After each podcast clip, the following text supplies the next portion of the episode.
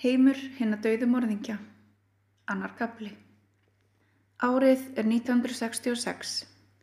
Lægið Leindarmól með dátum var nýlega komið út og maðurlega með Lúdosextett voru lausir og leiðugir. Breki Áskill Óskarsson var fjögur ára gamall. Hún fannst gaman að leika sér með bíla og nefnboranir voru í uppáhaldi. Hún fannst heiminin fallegur og rappabari með sikri var það besta sem hann fekk að borða. Þá daga sem hann fekk að ferja í heimsó til ömmu Guðriðar og afa Þormóðs var hann kátur. Þar var að finna fullt af fallegum og litrikum hlutum og skrauti sem hann mátti skoða. Ekki brásta heldur að amma hans væri búin að baka eitthvað gómsætt sem hann hámaði í sig með brósavör og skólaði svo niður með mjölkuglasi. Afið Þormóður átti skemmtilegt flugvélar herbergi þar sem hann gemdi fullt á litlum flugvélarmódulum sem hann dundaði sér við að setja saman í frítíma sínum. Oft vekk breki að fara með hann þangað að skoða þau. Þar var aðeins ein regla og hún var svo að þar mátti hann ekkert snerta.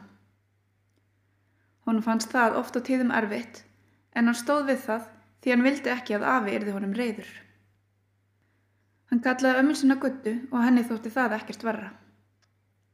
Þau voru perlu vinir og honum þótti einstaklega gott að kúra sig í hlýjum faðum hennar hvort sem hann var gladur eða leiður. Hún kunni fullt á skemmtilegum sögum og kvæðum og oft eittu þau heilu eftirmiðdögunum inn í eldúsi þar sem þau spiluði Olsen Olsen og hann hlustaði sem dáleitur þegar amma hann sagði honum frá álfunum, tröllunum og draugunum sem bygguði hannarsögn allt í kring. Þegar amma var í virkilega góðu skapi fór með kvæði. Það sem breka þótti skemmtilegast að heyra var kvæðið um hvítu fyririldin. Það var aldrei leiðilegt heima hjá ömmu hans og afa. Það gæti hins vegar verið leiðilegt heima hjá mamma og pappa. Það var fullt af leiðilnum reglum sem þurfti að fara eftir. Mamma hans gæti orðið svo reið á stundum hann hrættur um að höfuði á henni myndi hreinlega springa af herðum hennar. Það kom fyrir þegar hún var öskra að hann sá það fyrir sér. Einu sinni sagði hann henni frá því en það var til þess að hann öskraði bara ennþá harra á hann og fleiði henni svo inn í herbergi. Það fannst hún fínt. Þar gæti hann dunda sér tímunum saman með tindótana sína. Oft hafði hann farið í fimm stríð og björgaði heilu herduldunum frá brjáliðum óvinnum þegar móður hans kallaði á hann í mat. 4. september 1966 var sorgardagur fyrir fjölskyldu eina sem bjóði litlu sjáarplósi á Íslandi. Þessi fjölskylda var óskup vennileg en var fyrir því að nokkuð mjög óvennilegt hendi hana. Frá því augnabliki var þún einni óvennileg. Ósköp sem þetta var samt fallegur höstdagur. Laufin voru rétt að byrja að hugsa um að breyta um lit og fugglarnir sungu ennþá að því virtist áegilausir þrátt fyrir að veturinn kæmi brátt með sínum frosthörkum og myrkri. Breki hefði í laumi vaka langt fram eftir kvöldið áður. Hann hefði verið að reymbast við að setja saman flugveilarmodell. Kassan með því hefði hann fundið inni hjá afa sínum og tekið það með heim. Hann vildi reyna að búa sjálfur til flugveil og sína svo afa hvað hann var í döglegur. Það þó reynst honum erfiðara en hann hefði geta gert sér í hugulund að koma því saman svo vel væri. Littlu fingunir hans og littlu mótulapartarnir pössuð ekki vel saman og útkominni var varðlagt að líka við flugvel. Samt sem áður var Breki hæst ánaður og gæti ekki beða eftir því að komast til ömmu og afa og sína þeim útkomina. Hann stakk flugvelin í töskuna sína og hljóp út. Svo mikill var spenningurinn að hann glemdi að loka út í þeirra hörðinni. Lettur í spori hljóp hann fram hjá barnaskólanum, kirkjunni og fótbolltafellinum. Þar voru nokkri strákar að sparka bolta á milli sín. Þeir kollu á breka en hann ansaði þeim ekki. Hann þurfti að flýta sér til afa þormúðus. Ekkert annars skipti neinu máli á þessari stundu. Þegar hann álgæðast húsið þeirra fann hann fyrir spennun út í maganum. Mikið er gaman svo svipun og afa þegar hann tækir upp mótilið. Hann hafði vissilega rétt fyrir sér að það kemur svipur og afa hans þegar hann rétti honum stoltur flugvelina.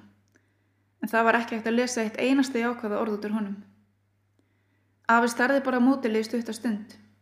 Síðan sá breki hvernig þykku gráu augubrytnar tók hann niklast til og það var engu líkara en að svört skí myndust fyrir ofan höfuð hans. Hann var fjólblóri framann, öskraði og bölmaði með þvílikum ofsa að breki var vitið sinu fjara ræðsli. Það einu sem breki skildi á því sem afi eftir var þú hefur eigðilegt allt strax halvviti. Breki stóð sem frósir nokkra mínútur. Lóksins þegar hann gat sig aftur hreift tók hann á rás og andaði neyri kjallara. Þar settist hann á gólfið. Andadrátturinn var grunnur og gríðarlega hraður. Það var dimt, hlýtt og rakt í kjallarunum. Sjokkið var algjört. Hann skildi ekki af hverju afi var svona rosalega reyður.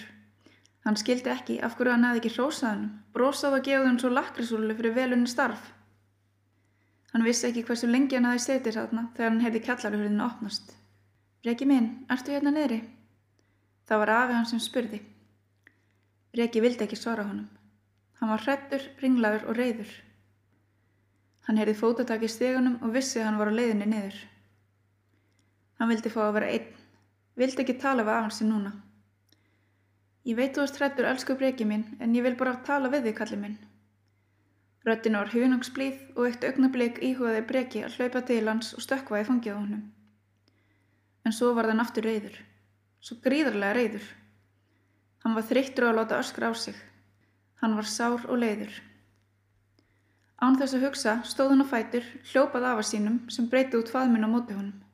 En í staðin fyrir að faðma hann ítti hann við honum af allum kröftum, blindaður af reyði. Afi hans fjall aftur fyrir sig, öskraði og skall með nakkan og hitaviturur. Hljóður sem heyrðist var svo skerandi að breki greip fyrir eirun. Eftir það var þögn. Það einu sem heyrðist var vatn á drópa. Vaskurinn lag. Afi hans hefði oft talað um að hann þurfti að fara að laga hann. Byr ekki neg niður og lokaði augunum. Þeir hefðu leiðið saman á gólfinu í kjallarunum í 32 mínútur þegar Guðriður, Amma Breka og eiginkona Þormúðs kom að þeim. Þegar hún sá blóðið á gólfinu gaf hún frá sér látt óp. Hún aðtugaði með tárin í augunum hvort hún fyndi púlsi á manninum sínum. Þegar hún greindi ekkert lífsmark fóru tárin að flæða fyrir alvöru. Hún gekk að breka, hann láð þar hreyfingarlaus og ansaði engu þegar hún reyndi að tala við hann. Hún tók hann í fangið og bar hann upp í hjónarbyggið þar sem hún lagði hann á rúmið. Áður en hann sopnaði beði hann segja þennu og kvistlaði.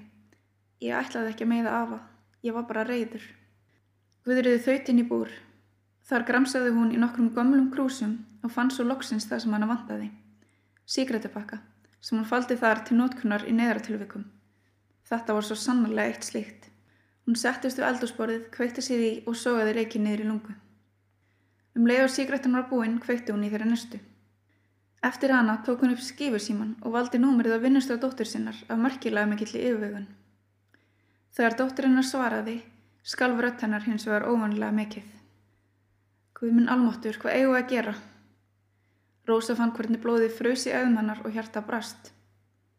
Hún hafði hlaupið heim úr vinnunni þegar mamma hennar hefði ringt. Þó að mamma hennar hefði ekki viljað segja henni frá því hvað það væri sem komið hefði fyrir, gátt hún greint á tónunum að það var eitthvað voðalegt. Þegar hún sá mömmu sínum svo sitt af eldursporið og reykja, þá kjart hennar keip. Hún hafði hægt að reykja fyrir fimm árum og það að sjá hana núna keðjureykjandi sendi kaldan gust niður nakka hennar. Mamma, hvað gerðist? Sestu þér niður hjá mér. Ég hrættum að þurfum ekki líka það sem ég var að segja þér. Fáður einn vodkasjúsaður nýbyrja. Hún rétti dóttur sinni flöskuna og beði þess rólega að hún væri búin að taka góðan sopa. Rósa grætti sig, skellti flöskuna á borðið og settist á móti móður sinni. Eftir hún hefði hlustað á það sem hún hefði að segja, satu Rósa lengi hreyfingarlaus. Á endanum leit hún upp með óttaglampa í augunum og hálf gólaði. Hvað minn almáttur, hvað eigum við að gera? Klukkan var að verða sex. Bráðum þurfti að fara að huga kvöldmatt. Hvoraður þeirra virtist þó að miklu árugjur af því. Ég veit það ekki, Rósi mín. Á svona löguði hef ég enga reynslu. Ég held þó að fyrsta skrefið sé að ringja í mannin þinn og láta hann vita hvernig málun standa. Nei, það held ég sér slægum hugmynd. Óskar gæti ekki tekist á þessar frettir. Það er betur að þetta sé bara á milli okkar, saði Rósa. Tótnin var einbjóna og hólur. Guðriður hafi reykt hálfan pakka á innan við hóltíma. Þar sátu hljóðir nokkra mínútur og virtu stjúft högsi. Allt í einu heyrðu þar skrjáf og þá letu kveltar þangar sem hljóði barst. Þar stóðu breki og nutiði augun. Hæ mamma. Röttin var róleg. Sopnaði ég eftir að hafa sínt af að fljóðvelina. Guðriði stóð upp og tók hann í fangið. Já breki minn, það var nákvæmlega það sem gerðist. Þú sopnaðir bara ljúurinn minn og núna er allt orðið gott. Þann 10. september ára 1966 var Þormáður Jónsson jarðsungin. Atöfnin var falleg og fámunum kirkukornum dóst nokkun veginn að halda lægi. Kirkjan var þjætt setin. Hann hefði átt marga vini og var mikil smettinn. Sorgin hjekk yfir líkt og svört þoka yfir djúpum fyrði. Engin var þó sorgbeitnari en maðgunar Guðriður og Rósa. Hann var talinn hafa látist að slísfurum, runnið í bleitu í kjallarunum og skollið á rör með þeim afleggingum að hann lest samstundis. Þau einu sem vissu sannleikan voru konurna tvær og fjórar og drengur á nafni Breki.